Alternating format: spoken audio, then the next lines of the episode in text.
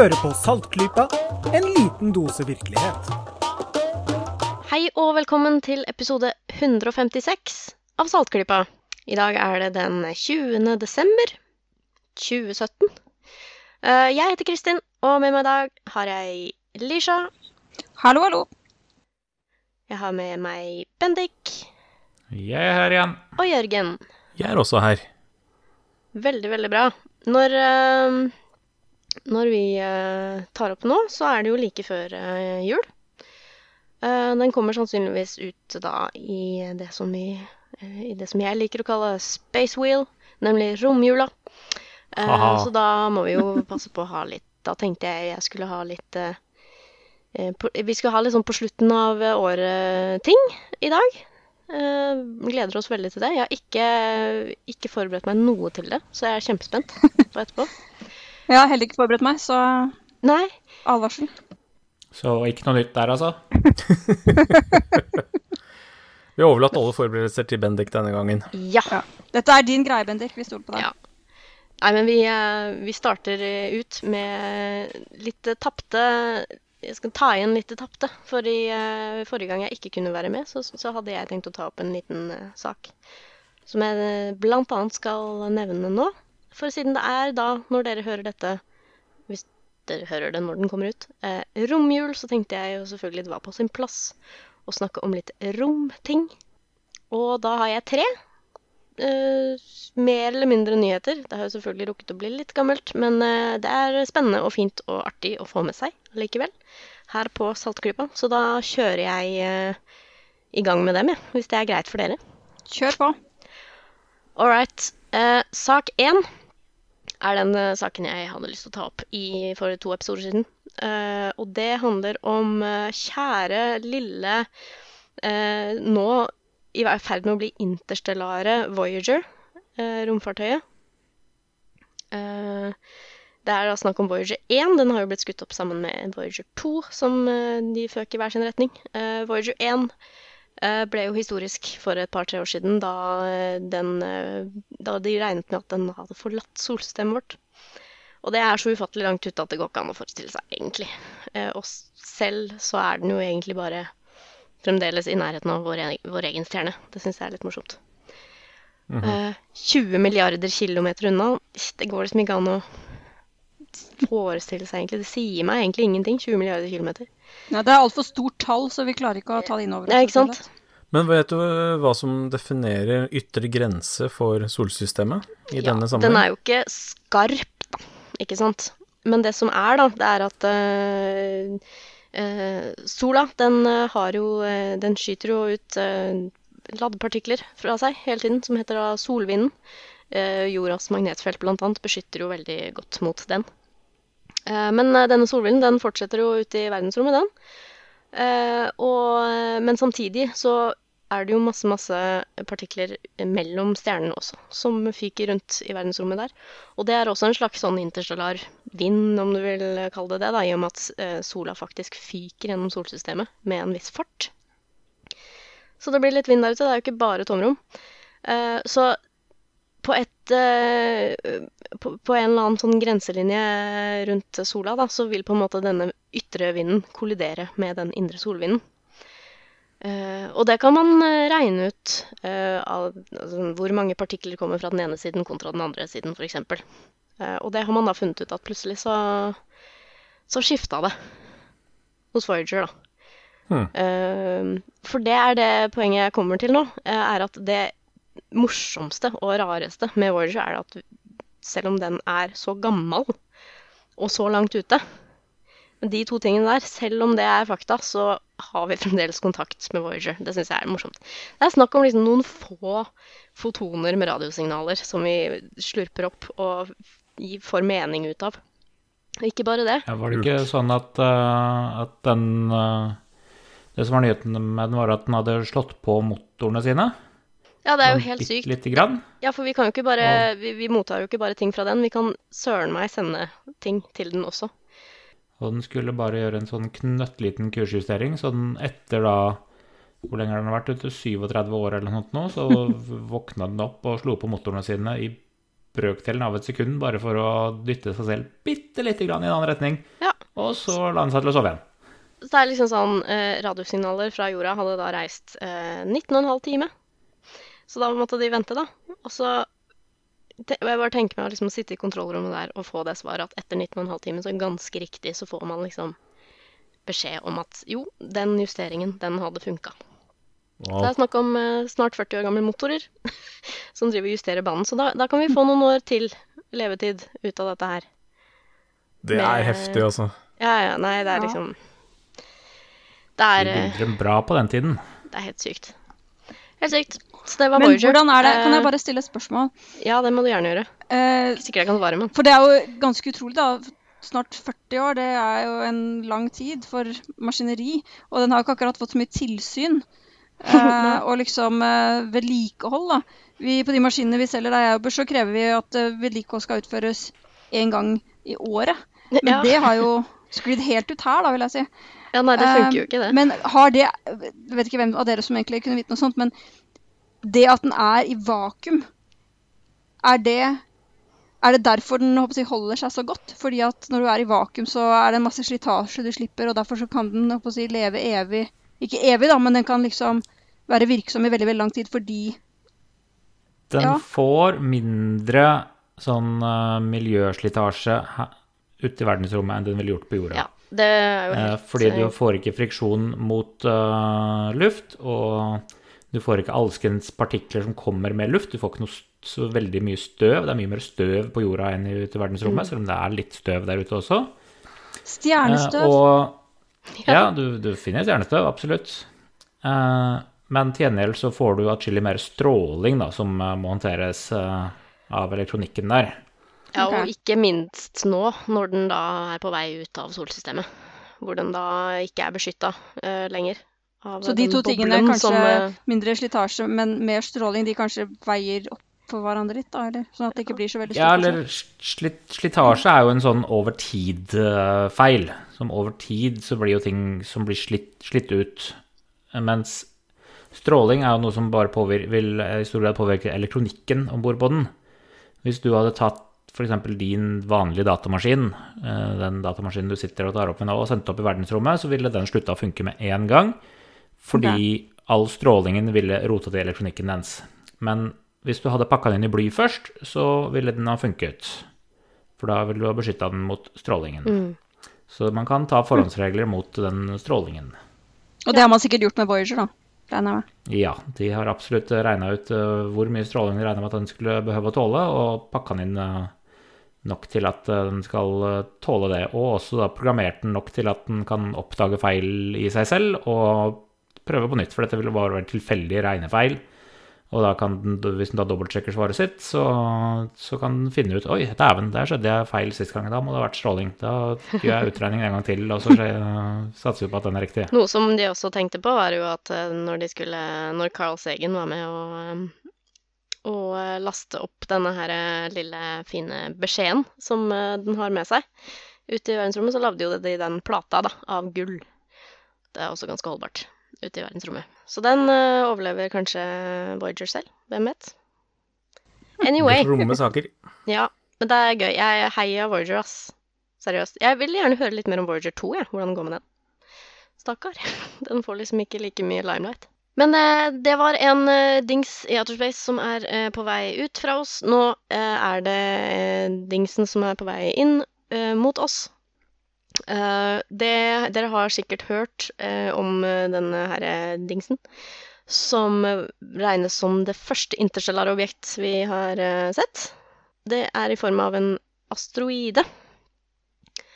Det var vel i oktober den ble oppdaget på Hawaii. Og den er ganske rar. Det merkeligste for oss vanlige folk som leser sånne nyheter, er jo vel formen. Den har størrelse og form omtrent som et hangarskip. Det er Hmm. ganske sykt. Eh, sigar, ja, sigarformet har også blitt kastet ut, og det er jo ingen av de beskrivelsene som hjelper mot tanken på at dette må være noe som har blitt sendt hit, liksom. Ja, Eh, sigarform, det er jo en helt klassisk ufo-form. Det er veldig mange Klassisk ufo-form, ja. som bruker i Ja, ja, eh, ja. designen sin. Definitivt. Eh, et av navneforslagene som kom inn på den, var jo også Rama, for de som har lest Arthur C. Clarke. Ja. Oh, ja. Um, og det er jo så morsomt, fordi det, den historien som jeg leste for veldig veldig, veldig lenge siden, så jeg husker den nesten ikke. Men det, eh, greia er at den, eh, den ble oppdaget på nesten samme måte. det var en, et romskip som um, viste seg å være en sånn inter, interstellar asteroide, og så var det et romskip, og så skulle de ut og besøke den.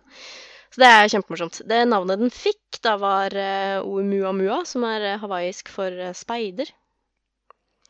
Eh, fordi man tenker seg at den kan bli sendt ut for å speide eh, fra det ytre rom. Og Internasjonal astronomiske unionen, som gir navn til ting der ute, har jo måttet komme opp med en helt ny klassifikasjon. Eh, så den heter da 1I, hvor I står for interstellar, skråstrek Oumuamua, som er navnet. Veldig kul.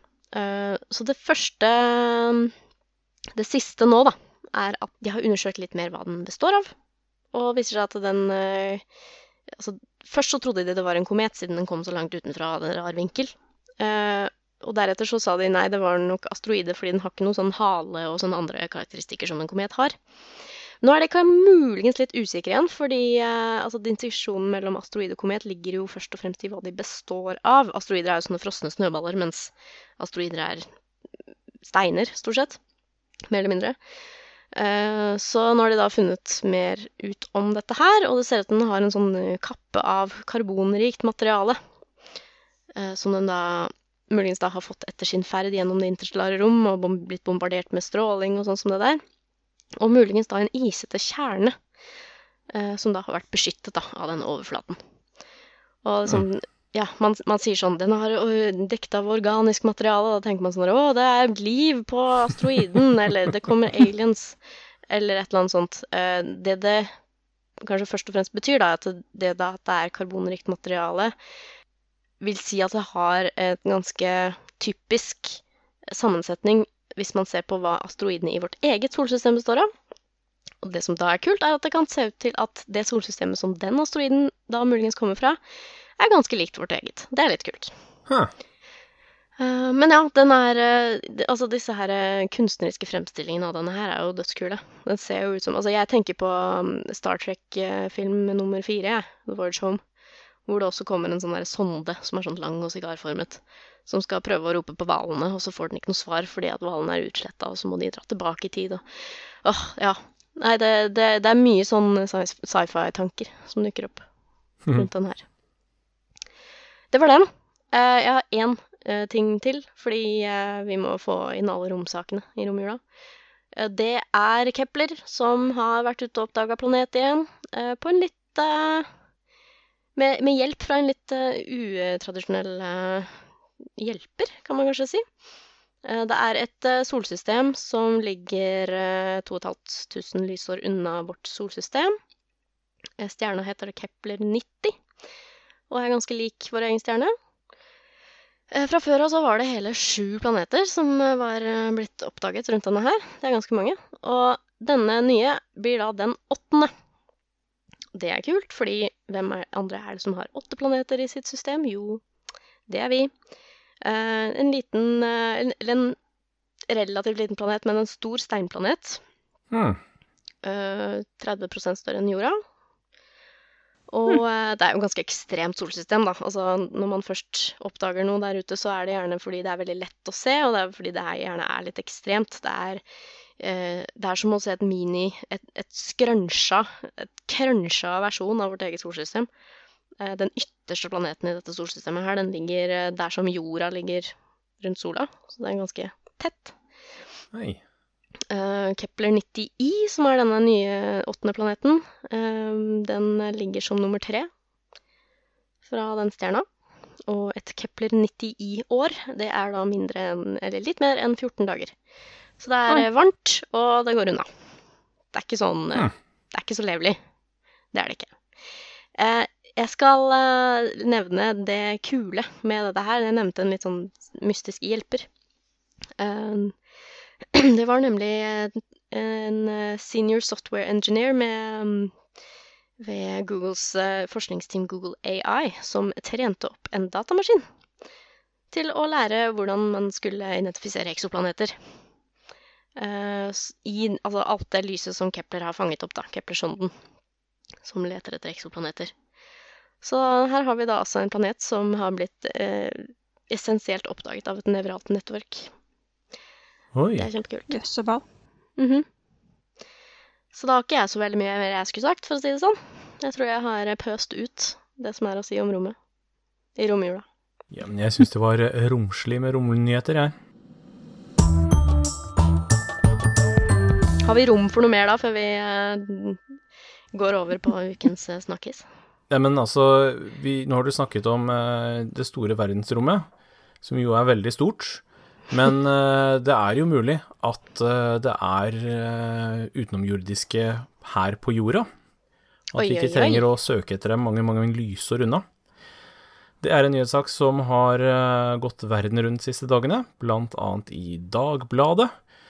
Og de kan da melde om at jo da, Pentagon har i all hemmelighet kjørt et eget ufo-utforskningsprogram de senere år, fra 2007 til, til 2012, og har brukt eh, ganske mange millioner dollar på det. Eh, 22 millioner dollar for å være mer nøyaktig. Det er ikke så mye andel av eh, forskning, forsvarsbudsjettet, kanskje.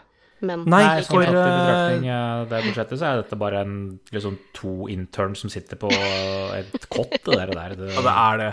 Totalbudsjettet er på 600 milliarder, Oh, så sykt mye. det, det, det er ikke fryktelig mye penger når du sprer det over eh, fem år, og det jo må være flere involverte i en sånn sak. Så de har uh, undersøkt litt ting, og dette her har jo da, den nyheten har jo vært uh, som manna fra himmelen for de som er entusiastiske for ufoer og er overbevist om at utenomjordiske er her og besøker oss stadig vekk. Ehm, fordi altså, saken gjelder jo at det er en del nye, uoppklarte ufo-observasjoner, og da mener jeg det i ufoens opprinnelige mening, uidentifisert flygende objekt, eller i praksis noe i lufta som man ikke skjønner hva er. Mm. Um, og de har da kjørt en ny runde på det. Altså, det er ganske tidlig, over i 1967 eller sånt, så konkluderte man med at det er ikke noe vits i å utforske disse her ufoene, det leder ikke til noe som helst. Så det er egentlig litt sånn sjokkerende for en del at nå har det vært et superhemmelig utforskningsprosjekt av dette her som har skjedd nå bare få år siden. Eh, Men det ble jo altså avslutta i 2012. Eh, Men noen av de som har jobbet på prosjektet, har fortsatt å samle inn og analysere informasjon eh, innenfor Altså, de har ikke fått bevilgninger lenger, men de har fortsatt med det litt sånn på si. Eh, og dette her er jo fryktelig mystisk, da, synes noen. Ja, for de har vel hatt noen andre sånne prosjekter opp gjennom åra òg, er det ikke det? Men er det sånn, sånn typisk sånn eh, Ja, litt sånn diverse sånne avanserte fartøybeskyttelsesprogrammer. Jeg, t- jeg kommer på et, det derre Project Blue Book og sånn der som var så veldig elsket av ufo-entusiaster. Ja, ja. De har jo hatt et par sånne. De har hatt det. Ja. kommer jo ikke til å skjule at eh, det amerikanske forsvaret har hatt veldig mange rare og sære forskningsprogrammer og forsøk eh, og eksperimenter i løpet av eh, de siste 50-100 årene. Så altså det at de har starta et, et ufo-prosjekt, er jo Jeg syns det er helt greit, jeg. Det, Ja, altså det det er, jo, det er jo fint å forske på ufoer. Det er jo ikke noe gærent i å forske på ufoer. Det, det som syns er rart, er hvis folk mener at det går uh, aliens blant oss, eller at, uh, at de har fanget noen ufoer og driver og forsker på dem i hemmelighet. Det, da trår vi over konspirasjonsteorien. Bare sånn vi har lyst til å undersøke hva alle disse rare fenomenene er. Det syns jeg er helt kult. Ja. Det er, jo, det er jo til og med jobben deres omtrent. Ja, men det er jo også disse konspirasjonsteoretikerne da, som uh, syns dette her er eh, eksepsjonelt og prøver å blåse opp til noe veldig mye større enn det det er. Ja, sånne uh, folk er det jo alltid. Uansett hva eh, det uh, gjelder. Det er det. Men Det er jo kommet en del kommentarer sånn fra sidelinja om eh, hva dette egentlig betyr, da. Og jeg har en artikkel her fra Business Insider, uh, hvor det er eh, en ved navn eh, Seth Shostak, som en del kanskje kjenner til. Han er kul. Han- Ja, han er eh, astronom ved SETI, som driver og leter etter eh, spor av liv ute i verdensrommet med radiobølger. Og Han har ikke funnet noe ennå. Nei, de har ikke funnet noe. Har ikke Det er helt riktig. Men de forsker på mye annet òg, da. Ja da. Og det er noe av bakgrunnen her, at det er så usannsynlig at det eh, skal komme noen hit fra de avstandene det er snakk om. Ehm, så, så det er nå bare sånn generell usannsynlighet. Men eh, han kommenterer også at det er jo ikke noe rart om eh, det amerikanske forsvaret forsker på disse tingene. For se for deg, du har som ansvar å sørge for at den amerikanske befolkningen er trygg. Du er liksom det største, mektigste landet i verden, men på mange måter sårbar likevel. Og har da mange, mange, mange milliarder til rådighet for å sørge for dette her. Og så er det altså noen tilfeller av ukjente flygende objekter som man ikke skjønner hva er. Selvfølgelig skal man undersøke det og se om det er noe som helst som kan være en fare for eh, de amerikanske innbyggerne. Så det, det er jo helt logisk. Innafor. Ja. Altså, det trenger jo ikke være aliens, for som dere sa, ufo det betyr jo bare uidentifisert. Og det kan jo fort vekk være noe fra en fremmed makt eller andre som vil USA vondt. Det trenger jo ikke være noe fra andre planeter for at det skal være noe de bør ha kontroll på. Nei. Og Og de, senere, altså de tidligere undersøkelsene jeg har gjort, har jo kommet fram til at de har funnet naturlige forklaringer på 90 av eh, de rapporterte ufo-tilfellene. Og så er det 10% igjen, men omtrent, da. Men det er jo ikke det samme som at det er utenomjordiske. Det er bare at Nei. det er 10% som man ikke har en forklaring på per i dag. Ja, ikke sant? Og det er jo der eh, ufo-tilhengere og eh, vitenskapsfolk skiller lag. Ja. De har, skjønner konklusjonen, men de kommer til forskjellige med forskjellige forklaringer på den. Ja. Men Så det da er er kanskje det ikke så rart egentlig at uh, dette har blitt holdt veldig hemmelig, fordi når man uh, slipper ut den informasjonen, så er det en del som går bananas og sprer konspirasjonsteorier over en Mm. lav sko. Så jeg skjønner dem egentlig veldig godt, det. Ja, absolutt, dessverre. Uh, men det der med at de trekker forskjellige konklusjoner og det, viser jo bare at de faktisk bør fortsette å forske på det, slik at de forhåpentligvis kan finne ut de siste 10 også. Eh, og hva sannsynlighets, sannsynlighet angår, selvfølgelig, det er langt til den nærmeste planet og sånt, men altså den 8. april 1940 så mente den norske regjeringen at det var helt usannsynlig at det skulle komme noe angrep mot Norge fra Det tredje riket. Så Ja. man må prøve å tenke litt utenfor boksen, og ikke bare ta det for gitt at det vi tror er usannsynlig, er også helt sikkert usannsynlig. Mm. Jeg sier ikke at det, ikke, at det finnes aliens, da, men at det, vi har eksempler fra historien på at man ikke skal eh, tro at bare fordi man selv ikke kan forestille seg noe, så er det bare å avskrive. Jeg tror egentlig vi er veldig enige, og jeg foreslår at vi slutter å romstere rundt i dette eh, opplegget her, og så går vi over til eh, dagens hovedtema. Ja, Bendik, du har gleda deg til dette. Ja, nå skal jeg finne fram notatene mine. Her har jeg masse, masse ark Oi, oi, oi. eh, om, eh, med fine ord på. Det som skjer hvert år i desember, er at Språkrådet og eh, Norges handelshøyskole kårer årets nyord. Som det er nye og merkeverdige, fine ord som har dukket opp den siste, stort sett det siste året. Det kan være nye fraser, nye ord som er satt sammen av gamle ord, eh, nye låneord som har blitt fornorsket. Så lenge det har eh, gjort seg markert og har en viss god språklig klang til seg, så kan de komme på den lista her. Og jeg begynner bare, begynner bare på toppen, jeg. nå er jeg spent. Eh, Årets, eh, årets nyord som Språkrådet ville kåre, er falske nyheter. Ja, der Kan kommer det igjen. noen uh, forklare hva falske nyheter er? Det er dessverre et definisjonsspørsmål. Ja. Det kan bety Det går an på hvem du spør. Så når noen sier at disse at det er fake news, så be dem om å forklare hva de mener med fake news, akkurat den personen, før du gir deg inn på noe videre diskusjon, er mitt råd. Ja. Uh... de, de skriver at uh, særlig valget i USA i fjor høst så gjorde ordet vanlig. Populariteten til ordet skyldes i all hovedsak kampen om sannferdige nyheter i sosiale medier og i den tradisjonelle pressen. Eh, Etablering av faktasjekktjenester, særlig i tilknytning til valgkampen i år, viser hvor viktig frasen 'falske nyheter' har blitt. Svekkelsen av de etablerte mediene og fremveksten av nye kanaler i sosiale medier har gjort nyhetsbildet mer uoversiktlig. I noen tilfeller sprer disse kanalene nyheter som viser seg å ikke være sanne. I andre tilfeller brukes falske nyheter som et retorisk uttrykk for å stemple meningsmotstandere.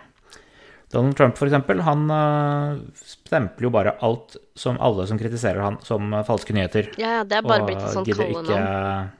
Ja, og gidder ikke svare på de.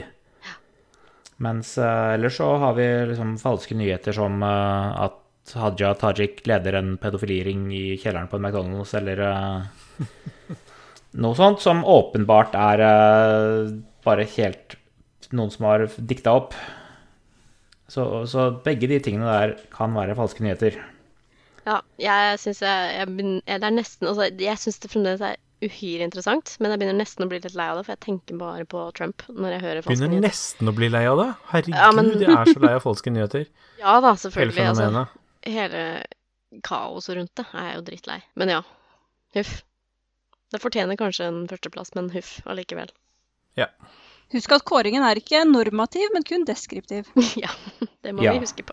Eh, kåringen eh, er kun på de språklige kvalitetene av ordet, ikke på om eh, de er enige om det skjer eller ikke. Eh, ord nummer to. Er det noen av dere som kan forklare meg hva en lilla velger er? En lilla velger høres ut som meg. Jeg som ikke klarer å bestemme. Hva gjør deg til lilla velger?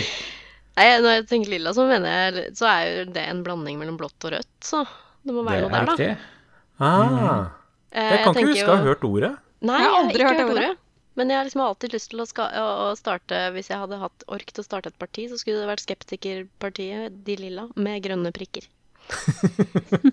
det har jeg sagt lenge. Og det kommer nok til å forbli bare eh, sagt.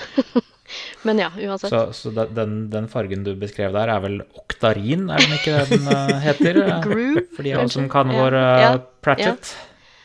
Noe sånt. Eh, Men ja, en lilla velger er en velger som vandrer mellom røde og blå partier.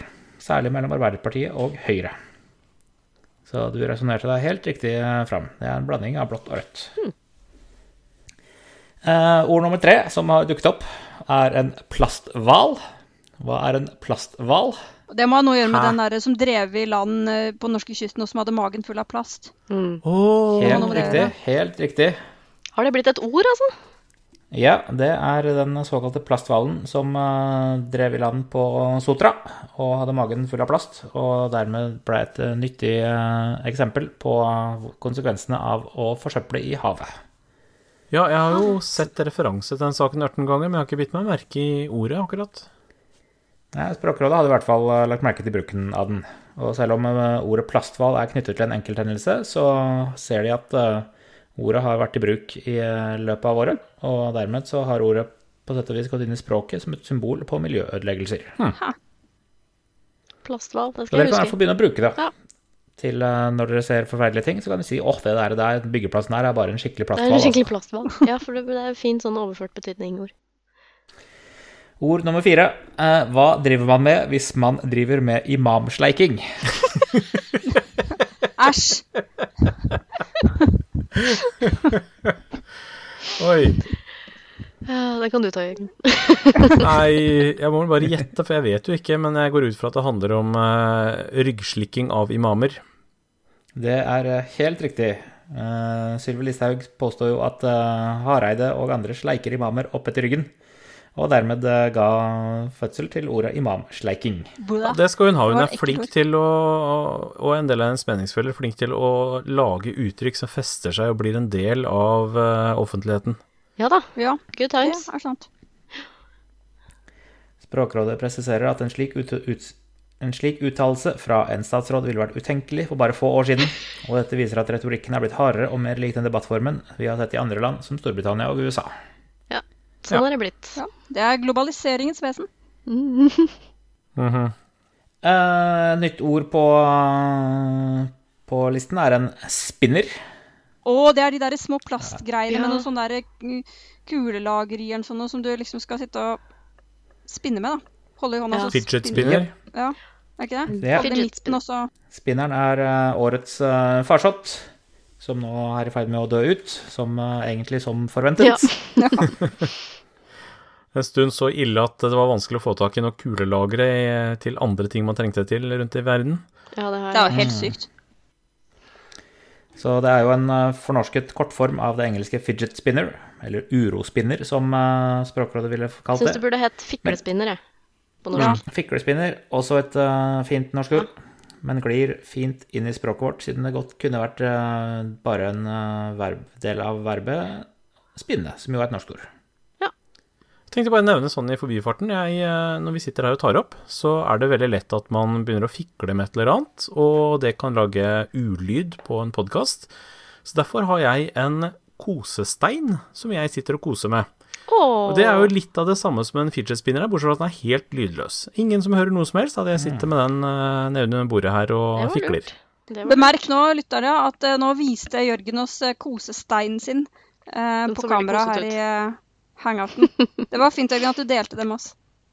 Det er et kjent begrep i uh, arkeologiverden. Eh, Ok. For arkeologer graver veldig mye, finner mye fine steiner som rett og slett bare er gode å kose på. Pet rock. Så veldig mange arkeologer går med en kosestein i lomma. Så fint. Ja, men da får vi ikke noe ulyd på ditt spor denne gangen. Det er bra. Ikke fra det, i hvert fall. Nei. Skal vi se. eh, Neste ordet som Språkrådet synes at eh, ble ganske mye brukt, og som dukket opp eh, helt plutselig, er ordet, eller frasen, svenske tilstander. Ja. Vil noen uttale seg om hva svenske tilstander innebærer? Ja, ganske Ja. fredelig da, åpenbart. Sverige er et ganske fredelig land.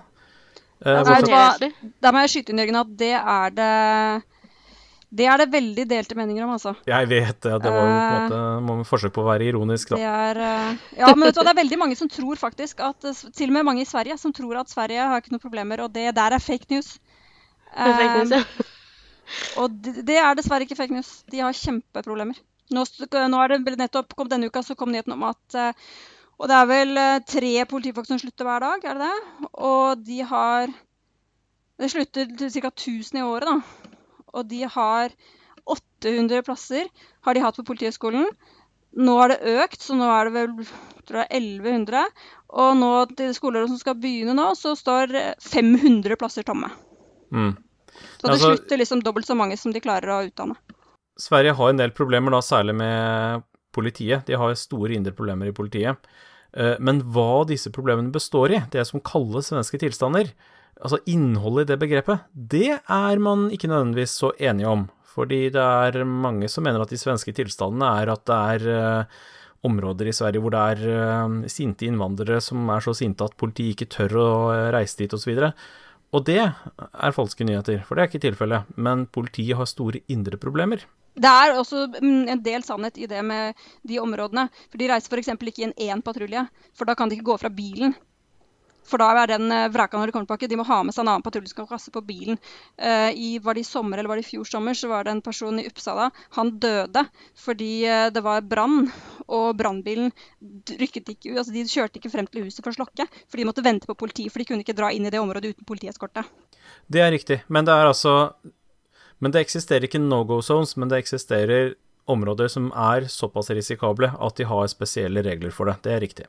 Ja. Så ordet er i hvert fall, eh, eller uttrykket er i hvert fall et begrep, begrep som knytter seg til eh, diverse eh, trøbbel for politiet i Sverige. Ja, og det har definitivt vært mye i media. Hadde vi rett, Ja. Bendik? Eh, Språkrådet skriver at eh, svenske tilstander har først og fremst blitt brukt om innvandringskritiske stemmer som et retorisk virkemiddel i debatten om innvandringspolitikk her hjemme. Samtidig ser man at andre parter i debatten har forsøkt å fylle begrepet med annet innhold som viser de positive sider ved samfunnet i vårt naboland, f.eks. svensk musikk og svensk økonomi. Svensk Selve frasen sier ikke noe om hvilken type tilstander det er snakk om, og denne vagheten åpner for ulike bilder og assosiasjoner. Så det er absolutt eh, riktig at hvis noen sier svenske tilstander, så stopp dem og spør hva slags tilstander. Ja. det at det er såpass vagt, da, det er jo en av grunnene til at det har blitt så populært. For det er som falske nyheter. Du kan Du kan fylle det med det det meningsinnholdet som du selv ønsker. Eh, men hvis jeg bare kan få avslutte akkurat den biten her ved å si at selvfølgelig så har den ukontrollerte innvandringen som er Den forverrer problemene der veldig mye. F.eks. problemet i helsevesenet er pga. befolkningsøkning, som de ikke har tatt høyde for i det hele tatt, og som har kommet veldig fort. Men jeg, etter å ha satt meg ganske grundig inn i dette, så vil jeg si at problemene i Sverige, det ground zero, det er skoleverket. De har ødelagt skoleverket. Og derfra Og det begynte jo lenge før noe stor, stor skala innvandringen. Det begynte jo på 50-tallet. Og derav så har ja, det har forplantet seg ut i alle deler. Og som eh, Johan Vesterålen sier, så skjer det aldri at et samfunn kollapser fra, bunnen, fra ovenfra og ned, men det er fra bunnen og opp. Og det er det Det er som regel sånn. Som en glidelås åpner seg. Ødelagt glidelås, den går opp nedenifra. Den eh, debatten der tror jeg du må ta med en svensk pedagog, og ikke med Ja, jeg vil bare si at det er, mye, det er veldig, Mange vil ha veldig ha til at det er innvandringen som er årsaken. Men det er strukturproblemer i det svenske samfunnet. Så mange av de problemene her ville de også hatt uten innvandringen. Fordi det er ikke det, det gjør det verre, men det, det, er veld, det er helt feil å si at hadde det ikke vært for det, så hadde vi liksom levd i noe rosenrødt eh, folkhem. For det er eh, Nei, det er strukturproblemer, rett og slett. Og de har ikke tålt en sånn befolkningsøkning som de har hatt. Og da blir alt veldig synlig. Og der har du de svenske tilstandene. Vi går videre til neste, neste ord på, på lista.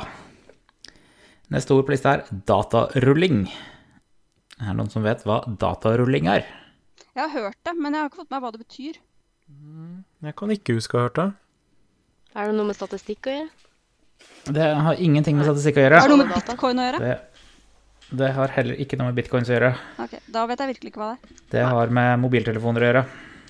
Ja, da vet jeg hva det er. Det er det at hvis du har data en måned som du ikke har brukt opp, så rulles det over til neste måned. Åh, er det det det heter på norsk? Det er Det det. er den norske versjonen av det engelske uttrykket data rollover. Datarulling. Ok, greit. Oh, Jeg kan ikke si det var sånn Jeg synes men at det er et uh, mye finere ord med datarulling enn data rollover, skjønt jeg ser fremdeles på TV at uh, mobilselskapene annonserer med, med data rollover. ja, ja, Ja. De gjør det. Uh, neste ord uh, på lista som har dukket opp, er eh, en lynlader. Ja, Hvor er du hvis du finner en lynlader? hvor du er? Ja, ved veien et eller annet sted. Er det sånn Mhm. derre ladestasjon for sånne elbiler og som lader kjemperaskt? Ja, det, det er de veldig raske Mm. eh, ladestasjonene. Ok. Ja. Norsk eh, Elbilforening opplyser at de nye lynladestasjonene er beregnet på bilmodellene som kommer på markedet i neste år. Ja, for det er så jo de kan ikke brukes ennå? nytt eh, begrep, nytt fenomen, men det er, jeg ser det brukt i allment uten noe videre forklaring, så det er innarbeida og sånn på kort tid. Ja, til ellers så, så ville jeg kalt det hurtiglader, men Ja, lynlader er jo, så klinger jo mye bedre, da. Mm. Hurtiglader er liksom et ord jeg har brukt òg. Men lyn, da skjønner du at det er ikke bare hurtig. Nei, Det er lynhurtig. altså det Det er er bare enda en... bedre enn hurtiglader. får knapt parkert bilen, liksom, så er du lada. Ja. Du bare feier innom. Ja. Du bare stikker i kontakten og sier bang, og så er bilen sprengt Blir du utover. kastet flere meter bakover. Ja. Ja. Fremtiden er her. The future is now. Det nest siste ordet som eh, sto på lista til Språkradio Språkrådet i år, er et ekkokammer. Det kan jeg tenke meg at eh, noen av dere vet hva er. Ja. Facebook, for eksempel. Blir er- ofte det? Men er det nyord nå? Det syns jeg det var kjempemye snakk om Det f.eks. etter 22. Jeg juli og sånt. Nå Da var det masse. Det er merkelig at det kommer inn nå. Mm. Det er vel eh, mest at det har blitt eh, liksom kommet på folkemunne. Vi, vi har jo visst om ekkokammereffekten veldig, veldig lenge. Du mener vi i ekkokammeret Saltklypa? Vi i ekkokammeret Saltklypa, ja. Vi er jo et ekkokammer, vi også. Eller en del av et ekkokammer. Men når, når det da liksom kommer på folkemunne, og folk begynner å bli obs på det, og begynner å legge merke til det og skrive kronikker om det, så det er da Språkrådet våkner opp. Ja, for et ekko er jo noe som eh, er når din egen stemme blir slengt tilbake til deg. Eh, så når du sier noe på nettet, og så kommer det bare ting som du er enig med tilbake, så ha, bor du i et ekkokammer. Det kan være dumt, det kan være trygt. Det, kan, altså, det er ikke nødvendigvis liksom Som regel så er det en, eh, en dum ting hvis man er med i en debatt, f.eks. Uh, hvis man ikke løfter eh, hodet litt og ser litt på hva som foregår utenfor dette kammeret. Eh, og noen ganger så vil man bare lukke seg inn og ikke høre noen kjipe meninger lenger. Så det er vel det det dreier seg om. seg- ja. Språkrådet skriver at det dreier seg om den selvforsterkende effekten av at vi opererer et nettverk som stort sett består av likesinnede, og at vi dermed for det meste kommuniserer med meningsfeller. Den effekten forsterker også av at tjenester som Facebook og Twitter foreslår lenker til informasjon fra folk som liker og deler de samme tingene som vi selv ville likt. Ja, Særlig det siste der, der blir er eksponert for et snevrere meningsinnhold enn det som er tilfellet i tradisjonelle medier. Ja, for selv om du egentlig har som intensjon å oppsøke folk med ulike meninger og, og sånn, så er teknologien der å styre hva du faktisk mottar. Sånn at du Ja. blir del av et ekkokammer selv om du egentlig ikke har noen intensjon om det. Sosiale medier Ja. foreslår noe som logaritmen deres sier at du sikkert er interessert i. Og da blir det sånne ting som ligner på det du allerede har lest. Ja. Mm. Så får du liksom Da får du bekrefta, da. sier du, «Oh, Jeg leste en artikkel om dette, og her er det tre artikler til som sier det samme. Ja, men da må det jo stemme. Mm. Det er jo sånn som den derre folk som kjøpte dette, kjøpte også Ja, på? Amazon, og så sitter du der med stor bokpakke i posten. Høres litt selvopplevd ut. Nei, jeg skjønner ikke hva du snakker om. Siste ordet som eh, Språkrådet mente dukket opp, eh, eller som kom opp på lista som et uh, nytt og fint ord, og dette tror jeg faktisk er uh, kun ifra 2017, er uh, oktoberbarn. ja, Hva er et Ja, oktoberbarn? fader, hva var det igjen? Det har jeg glemt. Det Det er Jeg er et oktoberbarn, jeg er født i oktober. Eh, Jeg også.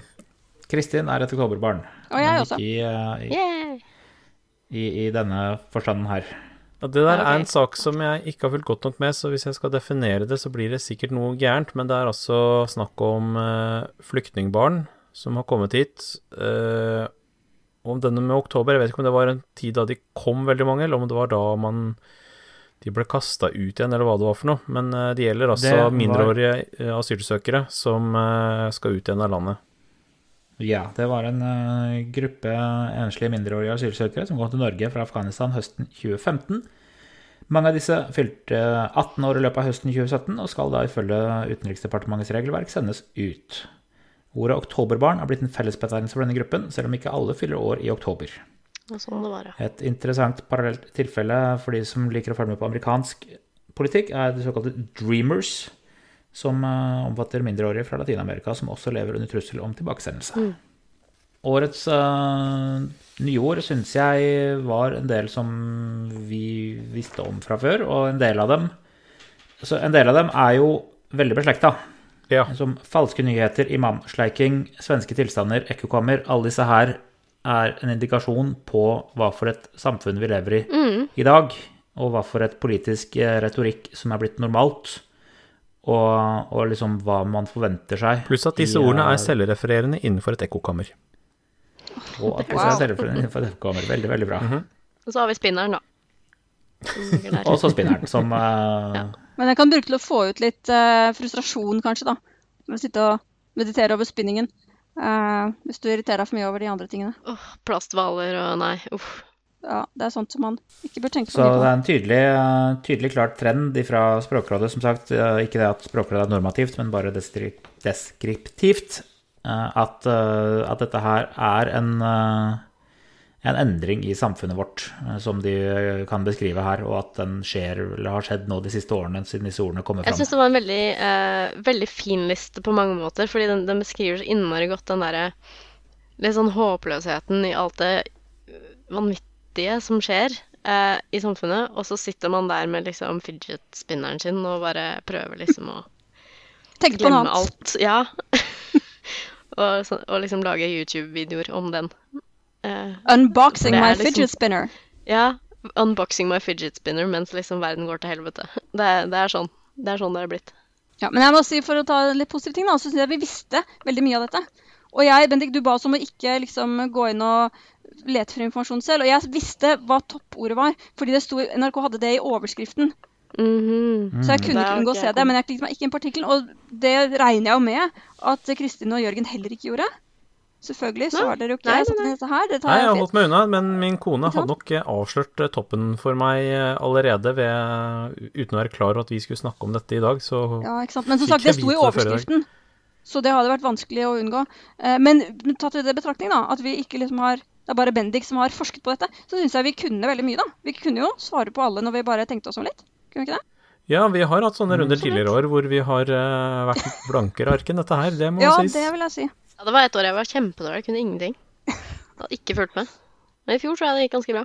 Da var det også noen sånne Husker du hva som var for toppordet i fjor? Nei, ikke, ikke spesifikt. I 2015 så var det det grønne skiftet. eh, I 2013 var det blå-blå. Uh, Det er veldig sånn politisk, uh, politisk ord, altså. Ja, det er jo ting som, som mediene våre bruker mye tid på å prate Ja. om, så Jeg lurer på om det her med at det er på en måte veldig innenfor samme felt, da. Det kan også si noe om at den off det offentlige ordskiftet er litt mer sånn enspora. At vi snakker mye om uh, de samme tingene igjen og igjen. Man får uh, heller enn en av det. bredde da, i uh, offentlig debatt som ville kanskje produsere ja, litt mer forskjellige eh, Eller ord innen mer forskjellige felt, Hmm. Mm. kanskje. For det er liksom samme hvilke aviser du åpner, så står det jo stort sett det samme i dem om Mm. dagen. Mm. jeg. Får se, det, det var noen på internett som sa Jeg, Jeg parafraserer den, den terskelen til eh, 2018, den, den The Bar, da. Den er satt veldig, veldig, veldig lavt. Så heia, liksom. La oss få et bra år til neste år. Vi satser på det? Vi satser på det. Ja. ja, jeg satser på det. Godt nytt år, da. Godt nyttår, alle sammen. Ja. Ja, og vær forsiktig med fyrverkeriet, for vi vil ikke se dere på Dagsrevyen med rakett i øyet. Ikke rakett i øyet og skremte dyr og sånn. Ta vare på dyra, ass. Det syns jeg. Og da gjelder det, hvis du skal ta vare på dyret ditt uh, fyrverkeri, ikke trøste. Hvis dyret er redd, Nei. engstelig, ikke trøste det. Da bekrefter du at det er noe å være redd for. Bare oppfør det deg helt jeg som lært av deg, vanlig. Lisha. Du skal heller oppføre deg helt nøytralt, helt vanlig. Helt Vise at det ikke er noe å være redd for. Ja, oppfør deg helt som vanlig. Lat som om ingenting. Og det høres jo veldig stygt ut, men ikke ta hensyn til dyrets følelser. de følelsene de stemmer ikke med virkeligheten. Det er ikke farlig. Og du må ikke oppføre deg som om det er farlig. Ja, du tar hensyn til dyret ved å ikke ta hensyn til følelsene. Ja. Men det der funker altså, for vi hadde hund, og første nyttårsaften, da var hun ute klokken tolv, og hun ble redd. Men hun så på oss, og for å signale fra flokkleder, hva, hva skal vi gjøre nå? Og vi var helt rolige, sto og pratet sammen. Reagerte ikke. Og hun senere, hun, jeg gikk tur med henne midt mellom sto- Stole Stole Borum-lodder klokken tolv på nyttårsaften, og rakettene sprengte, så dette var før det ble noen restriksjoner, da. Dette var en del år Mm. og hun reagerte ikke engang. Det var som om hun ikke hørte en lyd. For det var ikke noe farlig, for det hadde hun lært. Anekdotisk bevis der, altså. Ja. Og dette kan gjentas uhorvelig mange ganger, og til slutt vil vi da få data ut av det. Så det men dyr, de, særlig hunder, de ser på resten av flokken for å vite hvordan de skal reagere. Så bare vær som Ja, vanlig. veldig sant. Yes. Uansett, ta vare på familien i det hele tatt.